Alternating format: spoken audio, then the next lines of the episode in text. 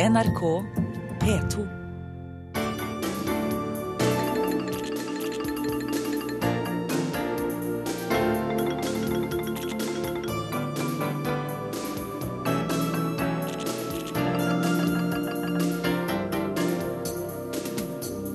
Det er lørdag, klokken er 11.03.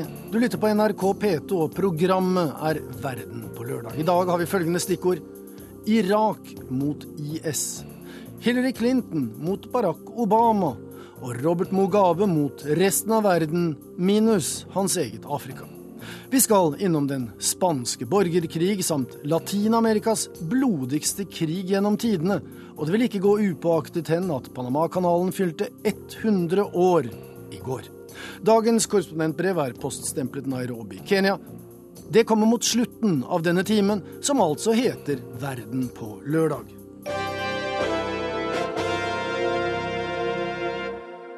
Men vi begynner denne sendingen i Irak, der amerikanske styrker i natt har bombet mål i nærheten av den store demningen ved Mosul i Nord-Irak, der den ytterliggående islamske stat, altså IS, har kontrollen. Angrepet skjedde i samarbeid med irakiske og kurdiske styrker. Og Sigurd Falkenberg Mikkelsen, du er i området. Og hvorfor er denne demningen så strategisk viktig? Dette er den største demningen i Irak. Det er en demning, Den demmer opp Tigris. og IS har jo også kontroll over store deler av Eufrat. så Til sammen så kontrollerer de vannforsyningen til Irak. Disse bombingene som har kommet, er rapportert av Rudav, kurdiske, den kurdiske TV-kanalen. Vi har ikke fått det bekreftet fra annet hold, men det de sier er at og hvis det stemmer, så er dette den kraftigste bombingen amerikanerne har foretatt siden de startet her.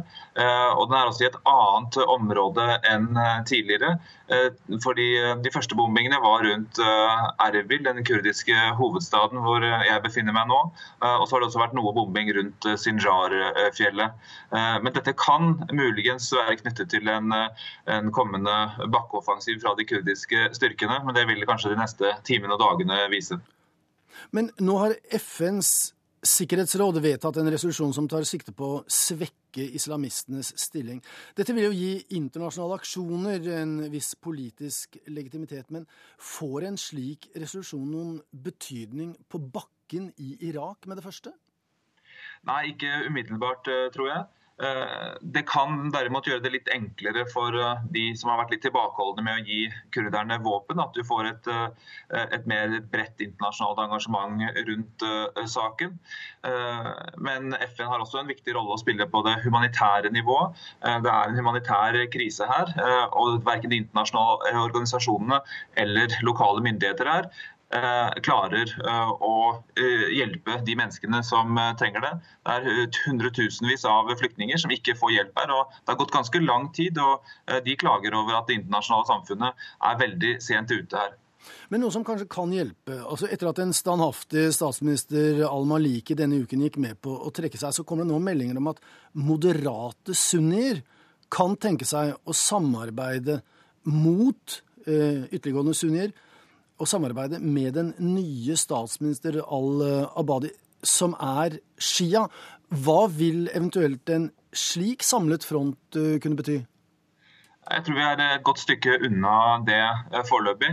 I hvert fall at det blir noe ordentlig styrke i en sunnimuslimsk deltakelse i regjeringen. Dette har de prøvd før, i 2006-2007. Da fungerte det ganske bra.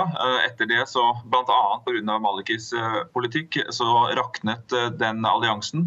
Og nå er det sunnimuslimske landskapet så broket og så revet opp at jeg tror det kommer til å ta lang tid før de får på plass en, en ordentlig koalisjon. Og, og Haider al-Abadi har en formidabel oppgave med å skulle samle de forskjellige politiske kreftene her til, noe, til en slagkraftig enhet. og Det er mange som lurer på om ikke det allerede er for sent for Irak. Du, en rekke medier melder også at IS skal ha henrettet flere titalls menn fra jesidi-trossamfunnet, fordi de da angivelig har nektet å la seg tvangsomvende. Betyr dette at den tidligere omtalte brutaliteten bare fortsetter, og det med samme styrke? Ja, det gjør det. Eh, disse meldingene kommer litt fra forskjellige hold. Fra kurdiske kilder og også fra eh, jesidier selv, som har vært i telefonkontakt med folk i disse landsbyene. Og De stemmer også godt overens med hva mange flyktninger forteller meg eh, når de kommer ut fra disse områdene. En hensynsløs brutalitet knyttet til krav om konvertering eller, eller død. Og også da at kvinner og barn blir tatt til fange. Så om ikke vi har fått en bekreftelse på hva som nå foregår eh, i landsbyen, landsbyen Kojo, eh, så stemmer det godt overens med det helhetsbildet som danner seg etter å ha snakket med eh, ganske mange flyktninger de siste par dagene. Da sier vi takk til deg, Sigurd Falkenberg Mikkelsen, i Erbil, i de kurdiske områdene i Irak. Og det skal fortsatt dreie seg om krig og krigens konsekvenser. For i Spania arbeider de fremdeles med å lege sårene fra borgerkrigen på 30-tallet. Og nesten 40 år etter Franco-regimets fall i Spania er over 100 000 mennesker fremdeles savnet. De var geriljakrigere, fagforeningsaktivister, kommunister, og det var andre, som fascistene henrettet under og etter borgerkrigen. Og selv etter Franco-regimets fall har myndighetene gjort lite for at familiene skal få vite hvor de døde er gravlagt, og hva som skjedde den gang. De graver i den karrige og brunsvidde bakken. Små trær og buskvekster er det eneste som har klart å klore seg fast i dette landskapet mellom Madrid og Salamanca. Grusen siles for å se etter beinrester. Det var slik de fant levningene etter Perfecto de Dios for en måned siden. 64 år etter at han ble skutt og drept av fascistene. Han ble bare 19 år.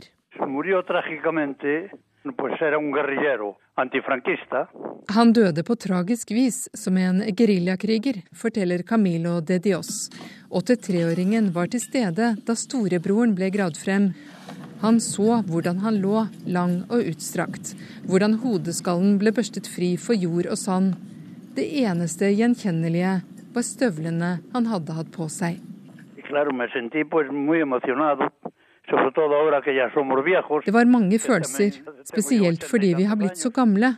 Jeg ble veldig beveget, sier Camilo de Dios. Perfecto de Dios var på flukt etter å ha kjempet med geriljaen mot Francos fascistregime. Året var 1950, og sammen med andre forsøkte han å komme seg over grensen til Frankrike. Men i en liten landsby ble de oppdaget av politiet Guardia Civil. Perfecto de Dios ble skutt på stedet. Siden har familien ønsket å vite hvor han var begravet for å gi ham mer verdig hvile. 64 años exactamente. Pues eso habrá que preguntarse a las autoridades españolas. 64 år tok det, du må spørre myndighetene om hvorfor, eller de som var ansvarlige for overgangen fra diktaturet til demokrati, sier Carmen Garcia Rodeja. Hun er arkeolog og jobber gratis på fritiden og i ferier for organisasjonen La Asociación para la Recuperación de la Memoria de la Historia, eller Organisasjonen for gjenopprettelse av historiske minner. De tar jobben myndighetene ikke gjør, å kartlegge og finne alle de forsvunne ofrene for Franco-regimet under og etter borgerkrigen. Familiene føler at de døde behandles som dyr. De er ikke gravlagt på kirkegårder som andre, men vel så mye handler det om å avdekke det som skjedde, og fortelle at ingen kan henrettes bare for sine meninger, sier hun. De 1939. La guerra ha terminado. Da Francisco Franco annonserte slutten på borgerkrigen 1.4.1939, ble det starten på 36 års diktatur. Franco Etter hans død i 1975 innførte Spania en amnestilov. De tok aldri et ordentlig oppgjør med fortiden. Igjen satt tusenvis av familier med spørsmål om hvor deres kjære var blitt av. På 14 år har organisasjonen navngitt 112 000 forsvunne. Arbeidet er utelukkende gjort av frivillige, men for å dekke utgiftene er de avhengige av pengestøtte. Perfecto de Dios ble funnet ved hjelp av en norsk pengegave. Vi tenkte vel at det vi gjorde var å gi et bitte lite bidrag til et arbeid som burde vært utført av den spanske stat, men Det sier Henning Solhaug, som er forbundssekretær i El- og IT-forbundet. En studietur for å se på konsekvensene av den økonomiske krisen i Spania endte med at de ga 50 000 kroner i gave til et helt annet prosjekt. Vel anvendte penger, mener forbundssekretæren. Jeg tenker at eh, medlemmene i EL- og IT-forbundet har bidratt til noe som er viktig for enkeltmennesker i Spania. Men samtidig så er det viktig også å minne oss om at eh, det var ofra for den framveksende fascismen i Europa. Og den er jo ikke så langt under overflata i dag heller. Fire graver på ulike steder i Spania skal åpnes med norske penger. Noen av dem er massegraver. Henning Solhaug håper at noen fra El- og IT-forbundet kan reise ned og observere utgravningene. Det er viktig for å vise solidaritet og for å gi den oppmerksomheten de forsvunne trenger for å presse regjeringa til å oppfylle sine forpliktelser. For enn de end det deg så er det regjeringa som må ta tak i disse spørsmålene og sørge for at man får en oversikt over hva som har skjedd, og at eh, pårørende føler at rettferdighet har skjedd, og at man vet hvor ens kjære er. Camilo er takknemlig for at han snart kan gravlegge broren sin. Selv var han 17 år og satt i fengsel for å ha kjempet med geriljaen da han fikk den tunge beskjeden om brorens død. Nå skal vi begrave ham på samme kirkegård som mor og far og besteforeldrene hans. De er døde, men likevel vil de ligge der sammen, sier 83-åringen, som endelig har fått fred. Og det var vår europakorrespondent Åse Marit Befring som rapporterte fra Spania. Nå USA, der president Obama blir kritisert fra de fleste hold om dagen denne uken, også av kvinnen som for bare to år siden var hans egen utenriksminister. Mange tolker Hillary Clintons Obama-kritikk som en posisjonering foran den kommende presidentvalgkampen, og for å bli nominert og valgt, så er det etter mange kommentatorers mening ikke så dumt å distansere seg fra utenrikspolitikken til den stadig mer upopulære president og partifelle. Tove Bjørgaas har sendt oss denne politiske analysen fra Washington. Ikke gjør noe dumt. Er det president Obamas utenrikspolitiske doktrine? Ja, det er det, og den holder ikke, mener Hillary Clinton. En president må ha en slik doktrine. En overordnet plan, eller i alle fall organisatoriske prinsipper for hvordan han håndterer USAs utenrikspolitikk. Og det mangler Barack Obama, hevder hun. Det er harde ord fra presidentens egen tidligere utenriksminister. Men så er hun jo langt mer enn det, Hillary Clinton. Hun er også Barack Obamas tidligere rival. Da de begge holdt hus på Capitol Hill, var det utenrikspolitikk de var mest uenige om. Og etter hvert som delstatene glapp unna for Clinton i den bitre valgkampen i 2008, minnet Obama henne stadig på at hun hadde stemt for krigen i Irak. Som for å strø salt i såret. En krig et stort flertall av velgerne ville ha slutt på. Men nå er det altså payback time. Obama får økende kritikk fra konservative krefter for å være en for forsiktig commander in chief. Og denne uka sluttet Hillary Clinton seg til disse kritikerne. Samtidig startet hun arbeidet med å distansere seg fra sin tidligere sjef. I et mye sitert intervju med den erfarne journalisten Jeffrey Goldberg i magasinet The Atlantic beskyldte hun altså Obama for å mangle en plan. Hun hevder at USA kunne ha forsinket IS' framrykking i Irak ved å bevæpne moderate opposisjonsgrupper i Syria. Og hun mener Obama har sittet altfor stille og sett på mens Russland har tatt seg til rette i Ukraina. Uttalelsene hennes har naturlig nok skapt bølger her denne uka. Obamas tidligere høyre hånd, David Axelrod, tvitret umiddelbart at å gjøre dumme ting utvilsomt også omfatter å ha stemt for invasjonen i Irak, slik Hillary Clinton gjorde i 2003. Hvorfor velger hun å gå så hardt ut? De fleste som følger alle Clintons bevegelser nå, mener alt hun sa i intervjuet var nøye planlagt. Hun forsøker å selge en bok. Men Hillary Clinton holder også på med å bygge en plattform foran en mer og mer sannsynlig presidentkampanje. Da er en viktig oppgave å skape tilstrekkelig avstand til Obama-administrasjonen. Ikke minst siden hun var en viktig del av den fram til 2012. Amerikanerne er stadig mer kritiske til Obama, ikke minst utenrikspolitisk. Hillary Clinton må bygge sin egen politikk om hun skal klare den historisk vanskelige oppgaven det er å vinne en tredje periode på rad i Det hvite hus for ett og samme parti. Og avstand skaper hun til gangs i intervjuet med The Atlantic. Hun forsvarer Israels framferd i Gaza til det ytterste. Og hun beskriver amerikanske utenrikspolitiske løsninger for Syria og Irak som like gjerne kunne ha kommet fra John McCain, en republikaner i Senatet hun har hatt stor respekt for i alle år. Intervjuet har skapt ramaskrik på venstresiden i Det demokratiske partiet, i fredsbevegelsen og blant progressive Obama-tilhengere. Men Hillary Clinton er tydeligvis ikke så redd for å provosere disse. Hun søker i stedet mot de klassiske vippevelgerne. Denne strategien vil være risikabel for henne i en demokratisk nominasjonskamp, men det spørs om det blir en slik dersom Hillary Clinton stiller. Det hun sa i intervjuet, vil imidlertid styrke henne ved selve presidentvalget, mener en konservativ kommentator. På et tidspunkt var det akkurat som hun mellom linjene fortalte meg at hun stiller, skriver Jeffrey Goldberg i innledningen til intervjuet i The Atlantic. Hun lanserte til og med et slags kampanjeslagord. Peace, prosperity, progress. Fred, velstand, framgang. Ikke spesielt spennende, kanskje, men spiselig for de fleste. Det er nettopp det en må være om en skal bli president i USA. Og Hillary Clinton vet det bedre enn de aller fleste. Hun later til å være på vei ut av tenkeboksen. Og før året er omme, vil vi høyst sannsynlig få vite om hun akter å kjempe om Det hvite hus i 2016.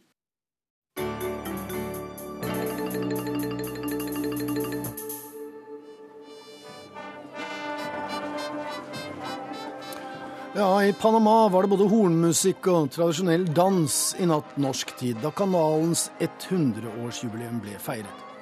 Bursdagsgjestene spiste fire meter lang kanalkake og sang Happy Birthday, og et gresk skip fikk æren av å innlede kanalens andre 100 år. For det er jo det det dreier seg om. Båter skal fra det ene havet til det andre, og i så måte var dagen i går som en hvilken som helst annen dag de siste hundre år, ifølge Panama-kanaldirektør Jorge Quijano. Hoy, como vemos, la vía interoceánica sigue funcionando sin detenerse. Para el canal, hoy es un día regular de operaciones. Men selv om det var Panamakanalens bursdag i går, det hadde neppe vært noe jubileum nå om det ikke var for alle kanalers mor, Suezkanalen, og den kanalens far. We are going to build an even greater canal and link the Pacific and Atlantic Oceans. And you can see for yourselves that Panama is the ideal place for it. Det var nemlig denne franskmannen, Ferdinand de Lesseps, og franskmennenes Suksess med Suezkanalen som åpnet i 1869, som banet vei for realiseringen av den gamle drømmen om Panamakanalen. Da de Lesseps, som vi nylig hørte i en britisk dramatisering, la frem sine vyer og sine planer om en kanal på tvers av Amerika, der kontinentet var som smalest, så hadde det gått 366 år siden Vasco Núñez Balboa, som den første europeer, krysset det samme kontinentet, omtrent på samme sted, og så utover det vi i dag kaller Stillehavet. De spanske konkistadorene engasjerte seg etter hvert mer og mer på vestkysten av det vi nå kjenner som Sør-Amerika, på jakt etter gull og sølv. De fant store mengder av begge deler, men transporten hjem til Spania var lang og tungvint. Ikke minst var det slitsomt og tidkrevende å krysse den relativt smale landtungen Tenk om de kunne grave en grøft. Drømmen om en kanal ble tidlig født. Ever since the time of Columbus, men have dreamed of carving a sea passage through the jungles of Panama. Men det var ikke denne drømmen som skapte kanalen, men de politiske realitetene på 1800-tallet. California ble innlemmet i USA som egen stat i 1846, og da gullrushet dit begynte i 1849, økte behovet for en alternativ rute fra New York i øst til San Francisco i vest. Samme år, i 1849, opphevet britene navigasjonsakten, og det ble i praksis fri ferdsel på alle hav. Verdenshandelen ble demokratisert, og de nye dampskipene var raskere og mer pålitelige enn seilskutene. Med den industrielle revolusjon økte etterspørselen etter ferdigproduserte varer over hele verden. Nye produkter og nye markeder krevde nye tanker og nye ideer. De europeiske stormaktene kjempet om råvarer og hegemoni og delte verden mellom seg. Resultatet ble blant annet Suezkanalen og altså Panamakanalen, som BBC kalte et av verdens underverker i en dramatisering for et par år siden. The Panama Canal was to be one of the great wonders of the modern age. Men det kostet. Tusener av arbeidere døde da jernbanen ble bygget over den smale mellomamerikanske landtungen tidlig på 1850-tallet. Da franskmennene begynte på sitt storslagne kanalprosjekt i 1881, hadde de erfaring fra Suez. Men jungelen i Panama var en tøffere utfordring enn ørkenen i Egypt. Mer enn 20 000 arbeidere hadde mistet livet da prosjektet ble skrinlagt åtte år senere. The French try in the 1880s, but go home after nine terrible years, leaving behind 22,000 dead. Mange døde i arbeidsulykker, men enda flere av tropesykdommer og livet i jungelen. Franskmennene var dårlig forberedt. I tillegg visste man ikke all verden. Det var blant annet ukjent at mygg var bærer av malariasmitte, og mygg var det nok av i Panama. Panama was a mosquito paradise. The heat and humidity allowed constant breeding. I 1903 var USA klare til å overta der franskmennene hadde sluppet, og amerikanerne var bedre forberedt. Myggens malaria-ansvar var kjent, og politisk sørget amerikanerne for et lite frihetsopprør i denne nordlige delen av Colombia, og med ett var Panama en selvstendig stat med USAs hjelp, og takknemligheten kastet av seg. Panama ble et nordamerikansk protektorat frem til annen verdenskrig, og selve kanalsonen ble amerikansk territorium for all fremtid. Dette var klassisk amerikansk kanonbåtdiplomati, med trykk på mye kanon og lite diplomati. Men det var svært vellykket sett fra Washington. Til da hadde ingen sittende amerikansk president noen gang reist utenlands. Men arkitekten bak denne de facto annekteringen, president Theodore Roosevelt, brøt med tradisjonen og besøkte det nyokkuperte protektoratet i 1906, samme år som han fikk Nobels fredspris. No U.S. president has ever traveled outside the country while in office. Now, Roosevelt goes to Panama to inspect his grand vision. USAs president eh, fant det altså formålstjenlig å reise til eh, Panama for 100 år siden. Og administrerende direktør Sturla Henriksen i Norges Rederiforbund, velkommen i studio. Tusen takk. Dette var altså for 100 år siden. Hvor viktig har denne kanalen vært for internasjonal handel og internasjonal skipsfart i disse 100 årene? Ja, den har vært helt avgjørende viktig. Eh, skipsfarten er blodomløpet i verdensøkonomien. 90% av all global varehandel går på skip. Eh, er, eh, skipsfarten er en forutsetning for at verden skal vokse og utvikle seg. Det er en forutsetning for at ulike land og regioner skal kunne produsere det de er best på, og bytte det på et verdensmarked. Og Panamakanalen er en menneskeskapt snarvei mellom kontinentene. Så den har vært helt avgjørende. Suksessen uh, ligger også litt i dette. Den har blitt for liten. Uh, de utvider den nå. Det betyr selvfølgelig at uh, det er økt behov. Men så får de også en konkurrent, etter alt å dømme, i Nicaragua, ikke så veldig mye lenger nord. Vil det gagne handel og skipsfarten, eller vil det føre til at ingen av kanalene blir bærekraftige? Ja, den vil utvilsomt gagne eh, verdenshandelen. Fordi nå fungerer eh, Panamakanalen som en eh, flaskehals. Eh, det er mange skip som skal gjennom, og de må gjennom et antall sluser. Og det er begrensninger på størrelsen i skipene. Eh, så en utvidelse av Panamakanalen og eventuelt en ny eh, kanal gjennom Nicaragua vil bidra til at verdenshandelen flyter enda bedre. Hvordan konkurranseforholdet så blir mellom disse to eh, kanalene, det gjenstår å se. Regner dere i bransjen, ja, så vidt jeg har sett, så er det 50 000 dollar som er en slags gjennomsnittsavgift. På den annen side så slipper man da 12 000 km rundt om Kapp Horn i ekstremt mye farligere farvann enn det er gjennom denne kanalen. Men ser dere på dette med han har sagt, bompenger i Panamakanalen som som en utgift, eller ser skipsnæringen på dette som en enorm fordel å kunne ta denne snarveien? Ja, det er en enorm fordel å kunne ta den, eh, den snarveien. Så, så, det er en ren kommersiell vurdering eh, eh, når det gjelder kanalavgiftene. Fra skipsfartens side så er det en udelt fordel at det eventuelt bygges en ny kanal gjennom Nicaragua, sånn at det er to som konkurrerer om det som i dag er et monopol. For i praksis så går man gjennom Panamakanalen hvis man har skip som er tilpasset det, slik at man får den, får den snarveien. Ja, Så sier vi nå to, men kanskje til og med blir tre og fire løp. Altså, Man kan si hva man vil om, eh, om global oppvarming, men altså, nå er det jo mulig å seile Nordøstpassasjen og Nordvestpassasjen, altså fra Asia til Europa, videre nord for Europa, nord for Russland og Canada. Men for at dette skal bli kommersielt forsvarlig, så må man vel opp i et enormt volum. Det er fascinerende og spektakulært, men, men, er dette reelle transportruter som da truer denne hundreåringen vi nå jubilerer? Det er eh, langt frem før vi har store volumer eh, gjennom eh, nordområdene, gjennom Arktis. Det er en alvorlig utvikling som skjer der oppe. Altså, både Panamakanalen og Suezkanalen er jo to menneskeskapte snarveier. Mellom kontinentene. Det som skjer i nordområdene, det er jo drevet av, av klimautviklingen.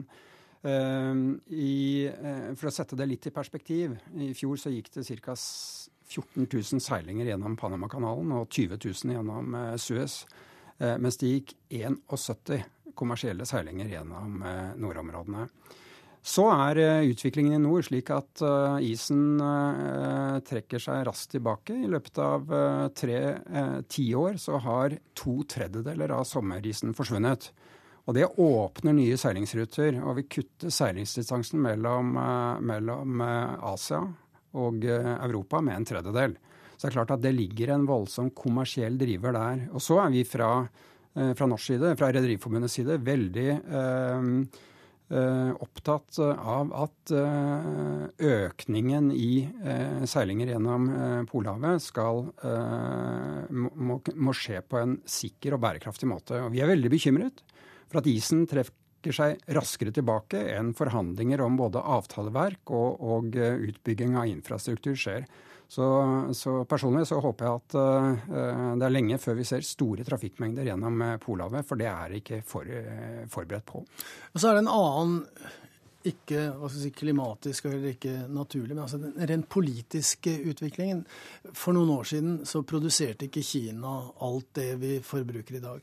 I fremtiden vil kanskje India produsere dette. De ser seg om etter nye snarveier, etter nye traseer. Eh, Egypt har nettopp nett eh, vedtatt at de skal bygge en ny Suezkanal parallelt med den gamle. Hvordan vil dette dette påvirke disse landene som produserer, disse landene som konsumerer? Altså Den politiske og menneskelige og handelsorienterte utviklingen, det har vel også en innvirkning på hvordan man tenker på transporten? Ja da, og, og, skipsfarten er altså en forutsetning for globalisering slik vi kjenner den i dag. Eh, det er slik at når verdensøkonomien vokser med 1% så vokser skipsfarten med vesentlig mer enn 1% Så det er, eh, vi kommer til å se, eh, Skal verden vokse, så må skipsfarten vokse. og Det betyr også at eh, både Suezkanalen, Panamakanalen, eller det som går gjennom Mellom-Amerika, gjennom Mellom-Amerika, og transport også gjennom Polhavet, vil ha et press på seg for å, for å øke.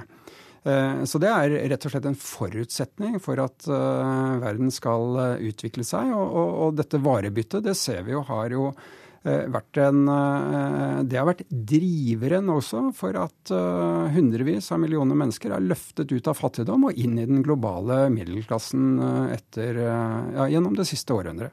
Og Samtidig helt til slutt, så er det jo en utfordring for dere da, å, å tenke grønt på, på bøljan blå.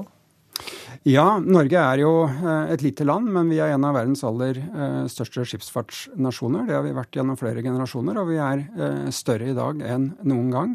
Det er to aspekter ved det. Det ene er at det er ingen transportformer som er mer miljøeffektive enn skipsfarten når det gjelder å flytte store volumer. Og Samtidig så er, så er, det en intens forsknings- og utviklingsaktivitet som gjør at f.eks. det å flytte en container fra Asia til Europa genererer en tiendedel av utslippene i dag i forhold til hva de gjorde på slutten av 70-tallet. Da gratulerer vi Panama med dagen, og vi takker deg, administrerende direktør Sturla Henriksen i Norges Rederiforbund, for å komme i Verden på lørdag-studio. Tusen takk.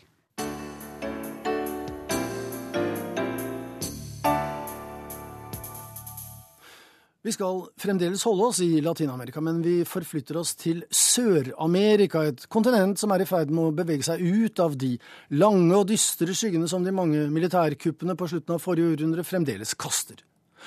Og det er ikke sant at alt var bedre før. I Latin-Amerika, ille som det var på 1970- og 1980-tallet, så var 1800-tallet mye verre. I Paraguay markeres det nå at det er 150 år siden utbruddet av den blodigste krigen på kontinentet noen gang. Paraguay, som den gang var større og mektigere enn i dag, gikk til angrep på Argentina, Brasil og Uruguay samtidig. Krigen mot trippelalliansen kostet en halv million mennesker livet, og forrykket for all fremtid styrkeforholdet mellom landene i det sørlige Latin-Amerika. Arnt Stefansen har sendt oss denne reportasjen.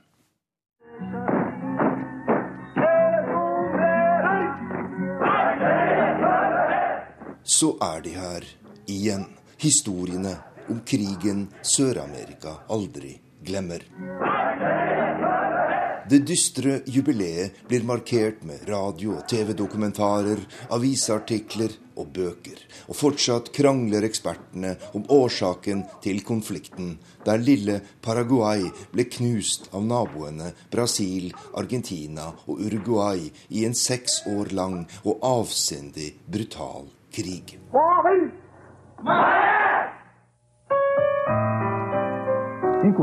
Sett med dagens øyne var det rått parti. Men for 150 år siden var styrkeforholdet mellom landene et annet. Paraguay var det ledende industrilandet i regionen, med en betydelig våpenproduksjon og et bedre utbygd militærvesen enn naboene. Og landets sterke mann, Francisco Solano Lopez, var fast bestemt på å utvide sin makt. El Paraguay Paraguay var en lykkelig republikk, til tross for at landet hadde et autoritært styre, sier den paraguayanske historikeren Ayala Keirolo. Vi hadde moderne fabrikker, jernbane og telegraf og høyere levestandard enn nabolandet. Men diktatoren ville ha mer, og han gikk til krig mot Brasil for å utvide sitt maktområde. Og det startet bra for Paraguay. Landets styrker tok store områder i det vestlige Brasil i løpet av de første månedene av krigen. De brasilianske styrkene var dårlig utstyrt og dårlig trent, og mange av soldatene var afrikanske slaver som ble sendt ut på slagmarken uten våpenerfaring. Paraguays diktator var klar for den neste store offensiven. Oigan! I mars 1865 erklærer Paraguay krig mot Argentina. Målet er å få tilgang til havet og til den strategisk viktige vannveien Rio de la Plata. Argentinas president Bartolomeo Mitre møter krigserklæringen med en ildfull tale til sine landsmenn. En 24 horas en los. Om 24 timer er vi i våre forlegninger. Om to uker er vi på slagmarken, og om tre måneder er vi i Paraguays hovedstad Asunción, sier presidenten. Men den elegante formuleringen skal få et brutalt møte med virkeligheten. For det skal ta hele seks år med krig, død og redsler før krigen er over.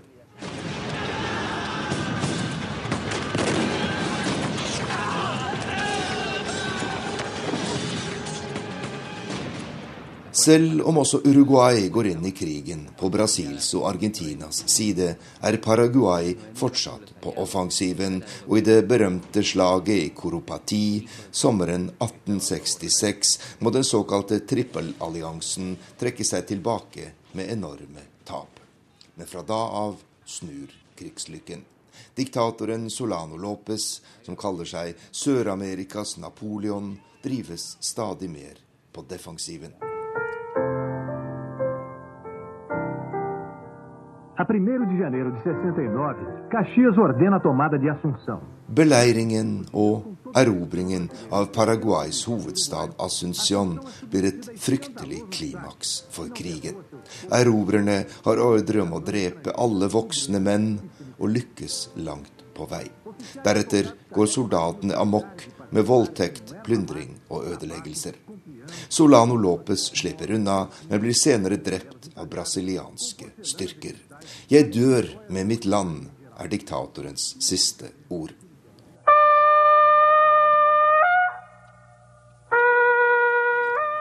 Og despotens ord var nær sannheten. For krigen utryddet 90% av Paraguays mannlige befolkning. Og vi må helt frem til 1970 før det igjen er tallmessig likevekt mellom kvinner og menn. De materielle ødeleggelsene er enorme, og landet greier aldri å gjenvinne sin stilling som et ledende industriland i Latin-Amerika. Men den argentinske kommentatoren José Pablo Feinmann vil ikke gi Paraguay alene skylden for krigen.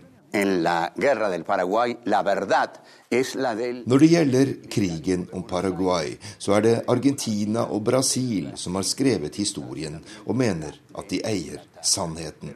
Men de hadde sine interesser i konflikten, og bak dem sto verdens mektigste imperium, Storbritannia. Britene leverte våpen til Brasil og Argentina, og som belønning ble de den dominerende økonomiske makten i området, sier kommentatoren.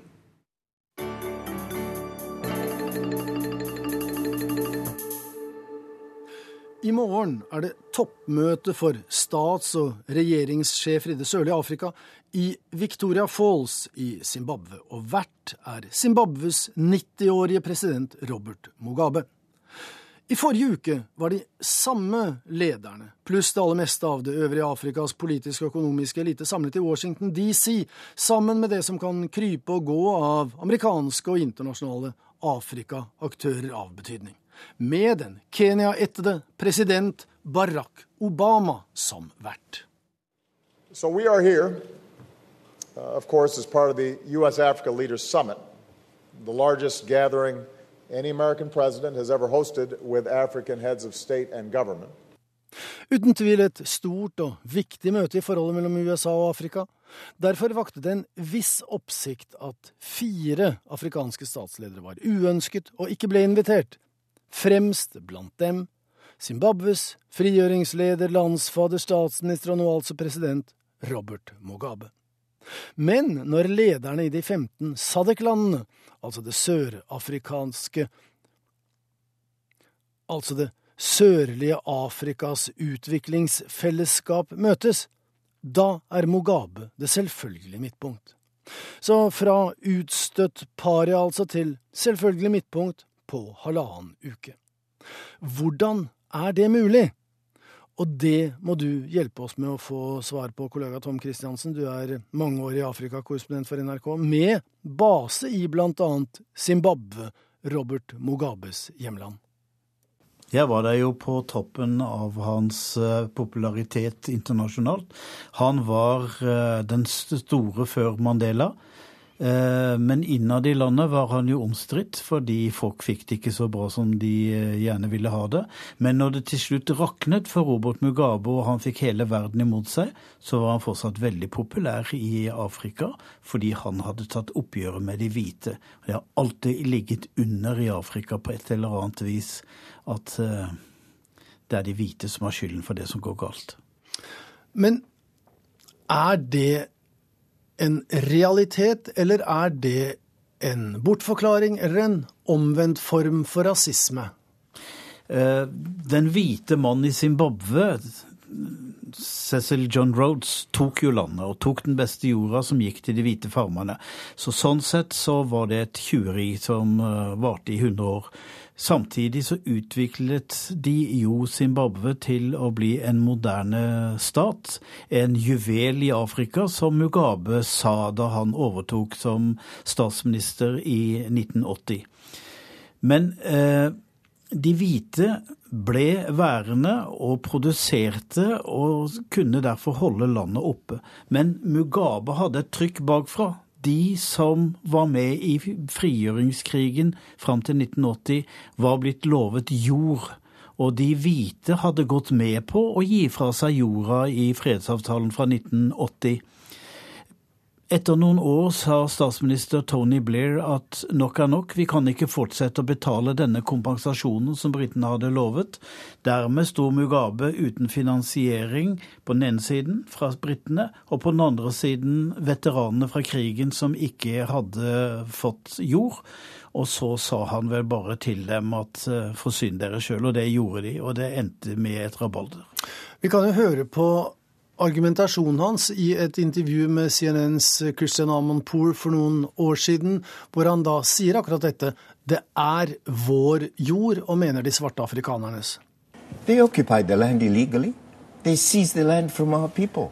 And therefore, the process of reform, land reform, involved their handing, having to hand over the land. Men denne mannen, altså, som har preget ikke bare Zimbabwes og det tidligere Rhodesias politikk, men også afrikansk politikk. Og han har vært en aktør på den verdenspolitiske arena. Han er nå 90 år. Han ble gjenvalgt i fjor til en ny femårsperiode. Han er åpenbart ved sine fulle fem, selv om det er ikke alt vi i Europa og Vesten skjønner av det han gjør, og må ha en jernhelse. Han har en jernhelse, og de som har møtt han er forbausa over hvor godt han fungerer intellektuelt. Han, eh, men arbeidskapasiteten er mindre, så det er folk rundt han. Han har noen mennesker rundt seg som nok har fått mer, mer innflytelse. Eh, det de strever med, det er jo finansene, altså den finansielle krisen. Den siste seddel jeg fikk i Zimbabwe, hadde 17 nuller. Altså det var eh, trillionbeløp dollar som ikke var verdt noen ting. Nå bruker de amerikanske dollar. Økonomien er på vei opp, men det er jo fra en dyp kjeller, så det sier ikke så mye. Det er mye tørke. folk får uh, matleveranser fra, fra FN-organisasjoner. Slik at uh, han er upopulær i sitt eget land. Men når han reiser rundt i Afrika, så er han jo den store helten, selv om han med stor brutalitet stor brutalitet har brutt ned demokratiske rettigheter og fratatt de hvite jorda. Han he. Det er det folk sier rundt omkring i Afrika. Han gjorde det alle har hatt lyst til, å ta jorda fra de hvite. Han gjorde det bokstavelig, vulgært og brutalt. Og det nyter han stor, stor respekt for. Er det en afrikansk variant av dette fra dets høye Sverre talte Roma midt imot? Altså, eh, er det hevn, eller er det for å vise at de er likeverdige? Du, du forteller også at han, han, er en helt, ikke blant, bare blant disse 15 likemenn som han skal være vert for eh, nå i morgen, men også blant helt vanlige ungdommer på gateplan. Er det, er det en slags stolthet over dette? Det er en stolthet over det, og han blir, når han møter studenter, altså så er det trampeklapp. Når han er på, på, på afrikanske konferanser, så blir han mottatt eh, med stor, eh, stor ære.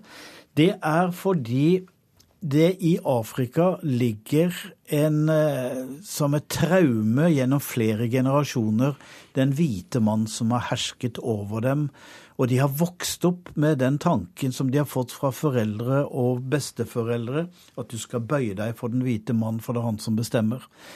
Den hvite mann har uh, gitt opp uh, den afrikanske uh, å ha Afrika som koloni for 60 år siden, men det ligger der fortsatt. Og det dukker opp hver gang noen fra Europa ypper seg og kritiserer Afrika og afrikanske ledere med hvilken rett gjør dere dette? Den urett dere har gjort mot Afrika, den kan eh, Den overgår alt av feil som gjøres i Afrika. Dette dukker opp i Sudan, dette dukker opp i Sør-Afrika, det dukker opp i Zimbabwe.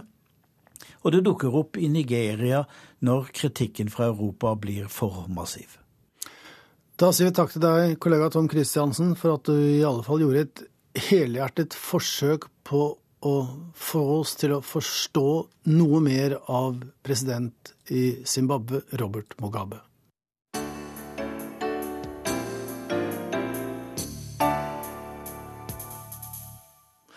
Dagens korrespondentbrev er poststemplet Nairobi.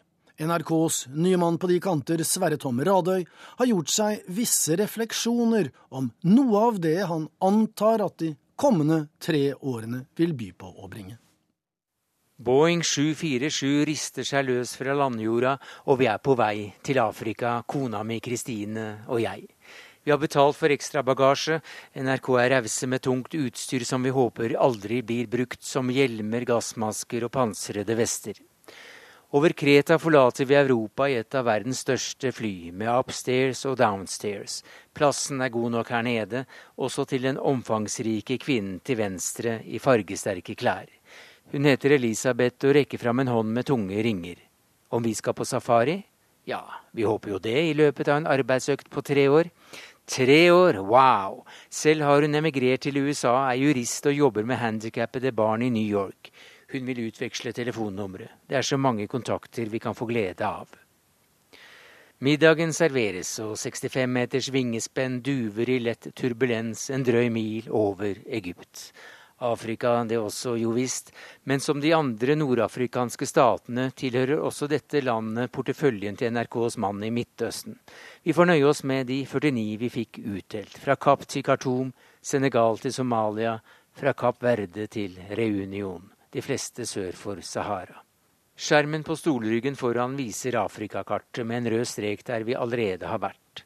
Somalia dukker opp nedover og ut til venstre. Sierra Leone til høyre, sult og sykdom, Al Shabaab og ebola. Sør-Sudan ser vi selv rett under oss nå, kritthvit i middagssola. Tørken synes fra 10 000 meters høyde. Elisabeth takker ja til sin tredje og løfter glasset. Sønnen skal gifte seg i morgen. De 600 nærmeste er invitert. Om vi kanskje har lyst til å være med på et afrikansk bryllup? Vår første tur og en slik invitasjon. Hjemme må du ganske langt ut på Finnmarkskysten for å oppleve noe lignende.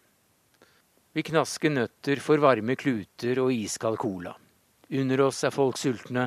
FN kaller det som skjer i Sør-Sudan for verdens største sultkatastrofe i dag. Det voldtas, det drepes. Kondensstripen fra KLM-maskinen kan være det siste en døende der nede ser. Dette er Afrika. Det skal vi også dekke. Wow, sier du det? Sier du vi? Skal dere dele på jobben? Elisabeth synes det er fantastisk at hennes nye venner ikke bare har felles seng, unger og gjeld, men at vi også deler jobben som korrespondent. Vi bare må utveksle telefonnummeret.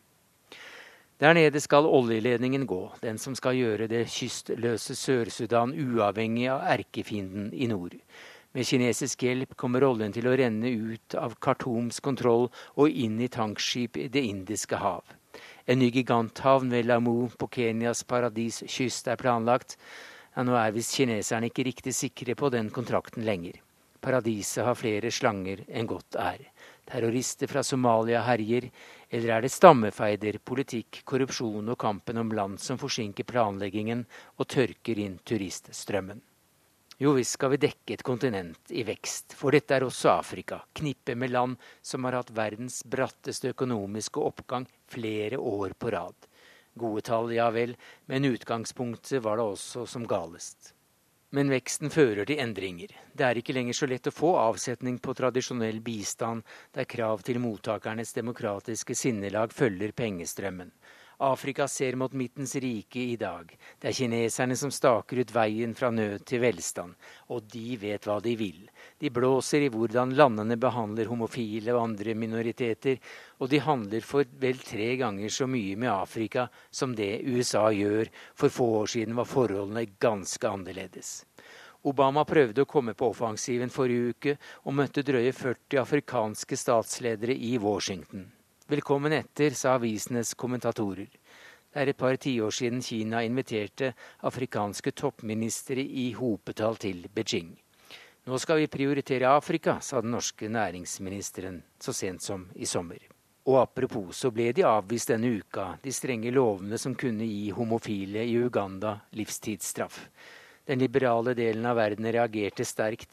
USA truet med å stanse all bistand. Norge holdt tilbake et femtitalls millioner kroner. Men det var landets egen domstol som satte foten ned.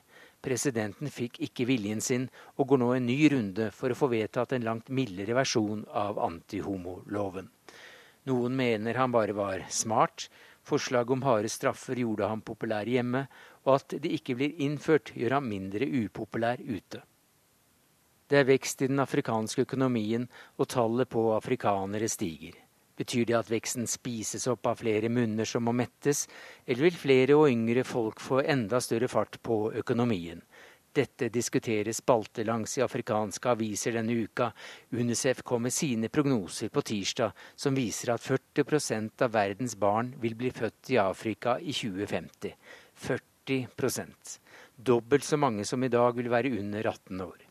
Barnedødeligheten går ned, levealderen opp i de aller fleste landene. Ved neste århundreskifte vil 40% av alle mennesker på kloden være afrikanske, hvis som at det dersom at forutsetningene holder stikk. Og hvis ikke aids, malaria, sovesyke, trafikken og nå ebolaen tar livet av flere enn antatt. Måtte noen forby. Det er mange nok tidlig døde som det er. Hvert halve minutt dør et afrikansk barn av malaria, ifølge Verdens helseorganisasjon. Og mange rister på sitt mørke hode over at ebolaen har fått så mye oppmerksomhet. Det er registrert over 1000 døde, og mørketallene kan være store tragisk nok, og med et skremmende potensial. Men én million barn under fem år dør altså hvert år av myggestikk og den forbannede parasitten. Noen kaller endringene i befolkningen et demografisk jordskjelv, og advarer mot de hundrevis av millioner unge som de mener både vil og må skaffe seg et bedre liv på et annet kontinent. Pessimistene mener Lampedusa er for rene feriekolonien å regne i forhold til det som må til for å håndtere millioner på millioner afrikanske menn på jakt etter jobb. Mens andre ser på befolkningsendringene som århundrets mulighet til å løfte Afrika ut av fattigdommen Ung, billig og villig arbeidskraft, ja, det kan verden trenge når morgendagens brudgom, Elisabeths sønn, blir en gammel mann. Flyet lander silkemykt. 400 passasjerer strømmer ut av hermetikken på få minutter og inn i den afrikanske natten. Elektronisk skanning av pass og fingre. Hjertelig velkommen. Kommer du fra Vest-Afrika, sluses du inn i egne haller, og da bør du rette ryggen.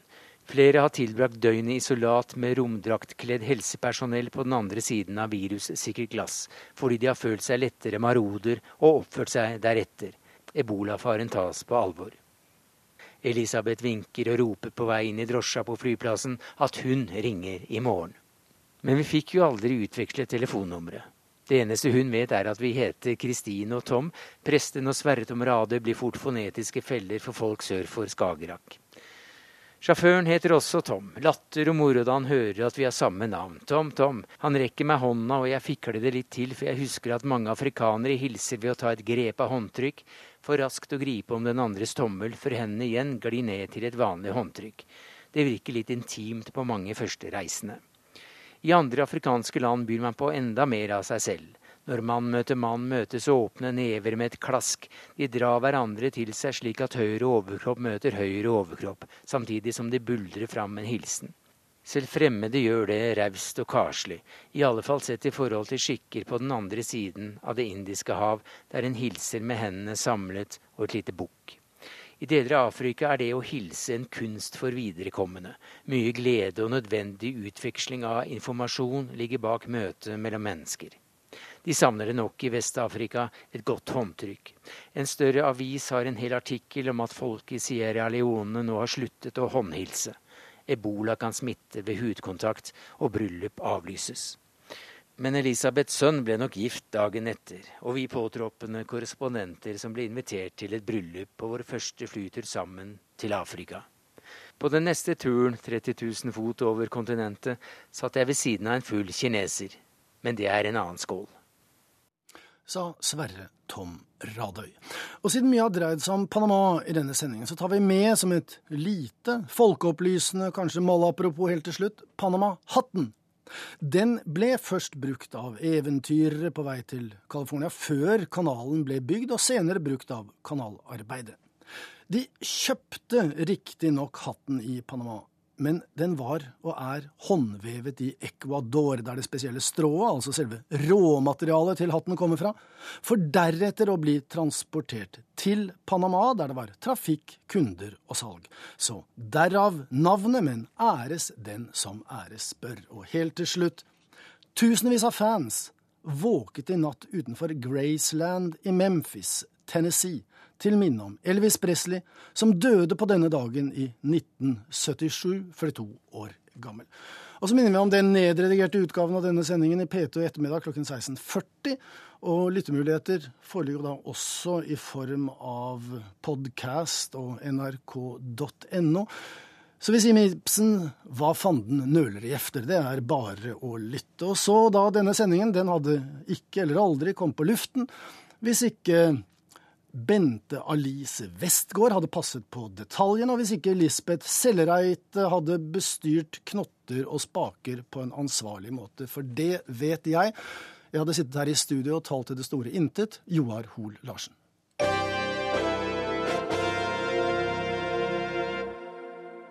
Hør flere podkaster på nrk.no podkast.